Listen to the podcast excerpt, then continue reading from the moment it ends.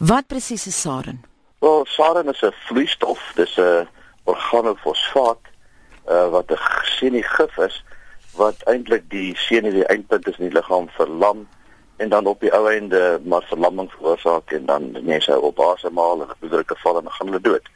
Dis baie nou verwant aan verskeie chemikalieë wat in Suid-Afrika gebruik word in die landbou en organofosfate, die tipe van middel wat 'n sarin is, is algemeen bekend daarvoor dat dit veral in die Kaap en die landbougebiede sterftes veroorsaak uh, aan mense wat bloot blootgestel word veral kinders wat daarmee speel of dat die goed in die hande kry. So dis heel algemene bekende of beskikbare soort gif sarin en taboon en VXD wat in die chemiese oorlogvoering bedryf gebruik word is net baie giftiger as hmm. die as die vorige. Maar hulle werk op dieselfde beginsel, naamlik verlamming van die senuwees met uh met dood die uiteindelike gevolg. En hoe vinnig gaan mens dood? Wel, dit weet daar's maar 'n tyd wat 'n mens vat om dood te gaan. Die die gif moet eers by die by die bloed in die bloedstroom kom en tot by die brein en die senuwee uitpunt. Dit kom so die dood tree gewoonlik begin intree so na 3-4 minute en uh, dan afhangende van die dosis wat jy ingekry het, kan dit enigiets tot 10-15 minute vat vir jou uiteindelik om dood te gaan. As jy dit oorleef, die aanval as jy te min inkry of die gif nie van 'n goeie kwaliteit is nie, dan kan jy natuurlik vir dae siek wees. Mm. Ons sien dit dikwels in kinders wat blootgestel word aan hierdie gifstowwe dat hulle vir dae in die intensiewe sorg een minuut lê terwyl hulle hanteer word. So dit is maar 'n tydsame proses, maar as jy genoeg inkry, as jy so vinnig genoeg dood dat dit nie verskil maak of dit 2 of 3 of 4 minute is. Mm. En sal die sarin dan in jou bloed bly as jy dit oorleef of geleidelik werk jou liggaam dit uit? Nee, is as jy hoor wat jy dood is gegaan het natuurlik nie gebeur nie. Jou liggaam verwerk dit baie moeilik. Dis 'n mens sekere die behandeling wat 'n mens toepas is maar 'n teemiddel wat die effek van die van die gif teewerk. Mm. Die die middel word op sy eie tyd afgebreek deur die metabolisme van van van die liggaam. Soos as 'n mens die gif in die lande gooi, dan vat dit ook maar tyd. Die son en die wind en die weer sal ook maar die die gif vernietig uiteindelik.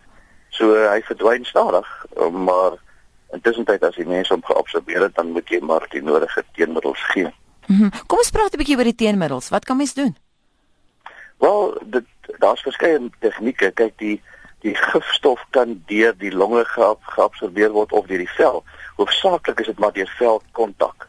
Uh want dit is maar 'n vloeistof. Uh daar's 'n damp wat afges, afgeskei word deur hierdie vloeistof wat ook ingeasem kan word, maar ek dink 90% plus van die van die vergiftigings wat plaasvind selfs in oorlogtyd is as gevolg van uh kontaminasie van die vel.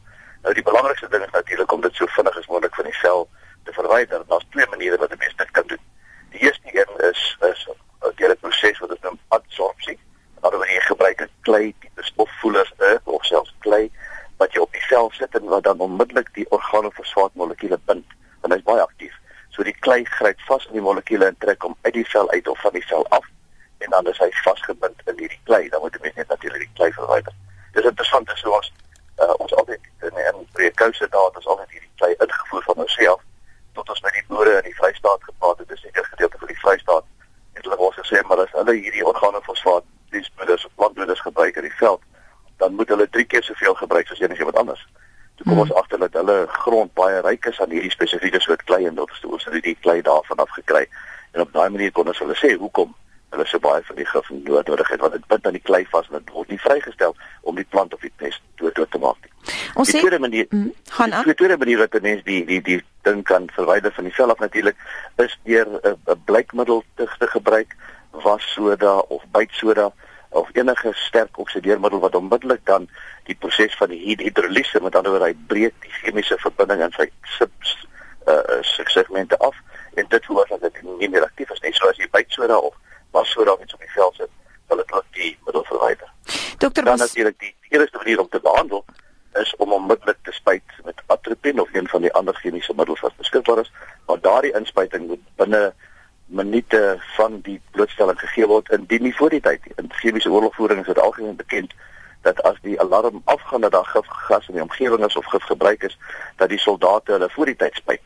En dis 'n spesiale spuit wat voorberei word met die teemiddel alreeds ingelaai, so hy het niks te laai nie. Hy tel net die ding op 'n stampel teen die been, die naald skiet self uit ons met 'n auto inspuiter en hy spuit dan sommer self die goed in die spiere en dan gaan die soldate weer aan. So dit moet vinnig gedoen word anders werk. Dr Basson, ons het nou vroeër op monitor gehoor vanoggend dat president Assad gekla het in 'n onderhoud met Fox. Dit is nie so maklik om net van 'n chemiese stof ontslae te raak nie. Dit vat tyd. Verduidelik bietjie vir ons uh, van die praktiese probleme en dan natuurlik ook oorlog in die land. Hoe werk dit? Hoe hoe gaan hy nou te werk? Wel, dis dis baie interessant. Hy heeltemal korrek. Enigiemand wat dink hierdie proses kan vinnig gedoen word, is absoluut uh, absoluut simpel. Ehm um, eerstens moet hy natuurlik verklaar watter wapens hy het. Ehm um, en tweedens moet dit dan bevestig word deur 'n onafhanklike uh liggaam dat dit wel die dat daai wapens wel bestaan en dat dit daar is. En dan moet die wapens gekonsolideer word ergens. En dan word dit moet vervoer word na 'n sentrale punt waar die ontwapening kan begin. Nou ontwapening behels dan die vernietiging of die verwydering selfs van die navorsingseenheid die fabrieke waar die gas geproduseer word en dan die uiteindelike punt in die in die in die produksielyn waar die wapen gevul word met die vloeistof. Nou as jy al daai goed bymekaar bring en jy kyk daarna, dan is dit 'n massiewe logistieke probleem om te verifieer en te skuif en te konsolideer en aan te teken dat almal seker is hierdie hierdie is die goed wat afgelewer is. En nou moet jy elkeen van daai projektiele, van daai bomme of of artillerie stukke, moet jy nou gaan oopmaak, die vloeistof uittap en in 'n houer sit en uiteindelik al hierdie houers bymekaar kry op 'n punt waar dit vernietig kan word. Om die gif te vernietig is maklik.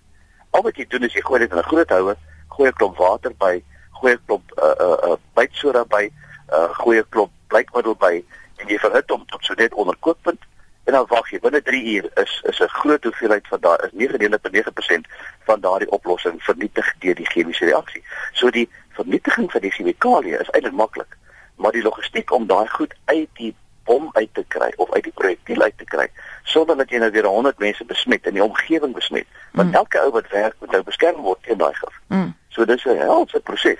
En die vraag is as jy nou so iets doen mense het fabrieke daarvoor daar daarvoor nodig. Nou die Amerikaners het gelukkig nou onlangs het hulle nou wat hulle noem 'n field deployable hydrolysis system so kon so 'n uh, uh, vraghouer gebaseerde stelsel waar hulle 'n mobiele fabriek in 'n mens maar sê uh uh gebou het wat hulle binne 10 dae op 'n plek kan oprig en wat hulle dan in 'n houers van 8000 liter die gif dan bymekaar maak en dan kan hulle binne uh 'n dag kan hulle so 5 na 10 hulle beweer 25 ton van die gif vernietig ek glo dit nie. So tussen 5 en 10 is waarskynlik meer prakties. So hulle kan 'n klop op beslag doen maar om die gif daar te kry dis eintlik die groot probleem. En dan sal dit heeltemal reg. Ek kan nie dink dat dit vir die vir die opslagplekke wat hy het dat dit minder as 'n jaar waarskynlik 2 jaar sal vat om dit totaal te vernietig. Maar hy en die Russe is natuurlik baie skerper as die Amerikaners wat hulle tyd tyd gekoop en hy wil eintlik van sy chemiese wapens ontslaa raak want dis 'n embarrassment vir almal. En nou uh, is dit 'n baie lekker proses vir hom want nou gaan die internasionale internasionale gemeenskap hom help daarmee en waarskynlik gaan iemand anders betaal. Mm, hy het gesê hy wil die Amerikaners moet betaal, maar net vinnig terug na die praktiese probleme toe. Hoe stabiel is Sarin? Oh, Sarin is stabiel as jy dit in die in die, in die veld gooi op die op die grond gooi, gaan dit vir 'n hele paar dae daar bly. Uh dit sal natuurlik swakker en swakker word die son en die en die hitte en die en die water in die lug gaan dit natuurlik begin begin begin vernietig. Gaan as dit ware begin roes met die tyd. Oksidasie proses gaan plaasvind. Maar dit kan 'n hele paar dae daar bly. So so 'n gebied kan kan vir 'n week of twee totaal onbruikbaar wees nadat dit nadat dit wel besmet is. Mm, en weer eens natuurlik die logistiek om hierdie mense te verwyder voordat jy die gas vervoer en so aan. Wel, dit is in 'n oorloggebied is dit ongelooflik. Ek dink nie ek is nie seker hoe hulle dit in Sirië gaan kan doen nie. Uh al wat jy nodig het is 'n trok vol van daai goed wat nou op pad is om vernietig te gaan word en iemand skiet 'n vuurpyl aan en dit ontplof, dan het jy gas in die omgewing. Hmm. So dis 'n uh, iemand sal moet ophou beklei of sal verseker hulle gaan nie in daai gebied beklei nie anders jy dit kan doen nie. So dis dit moet skuif na 'n neutrale gebied toe na een van die Rus Russiese vlootbasis en toe waar dit dalk versamel kan word maar ek is seker dat hulle graag hulle plek sal wil besmet hê. So dit gaan 'n logistieke nagmerrie wees en enigiemand wat dink dit gaan gou plaasvind, leef in 'n droomwêreld. Net 'n uh, laaste vraag, is daar 'n beperking op Sarin se raklewe? Ja, natuurlik daar is is 'n beperking. Dit dit breek natuurlik af as dit met lig en kon kon met 'n kom breek natuurlik af. So as jy nou 'n uh, 'n tonne wat daarvan het in in 'n in 'n drom ergens en jy wil seker maak dat die gif na 5 jaar nog steeds aktief is, sal jy elke jaar, elke 18 maande wat afhangende van hoe jy dit stoor en hoe dit vervaardig is, sal jy daardie gifgas dan moet verwerk om die afvalprodukte uit te haal en om te sorg dat jy die nodige konsentrasie van die aktiewe substansie nog het. So dit is maar 'n proses hoekom aan te hou en ek dink van Saddam af van van van uh, Assad se probleme. Hierdie daai voorraad vir hom is baie oud en ek dink hulle dit begin onstabiel raak die ouers ook en hulle wil graag daarvan ontstaan raak. Ek dink hierdie is vir hom 'n absolute bestuuring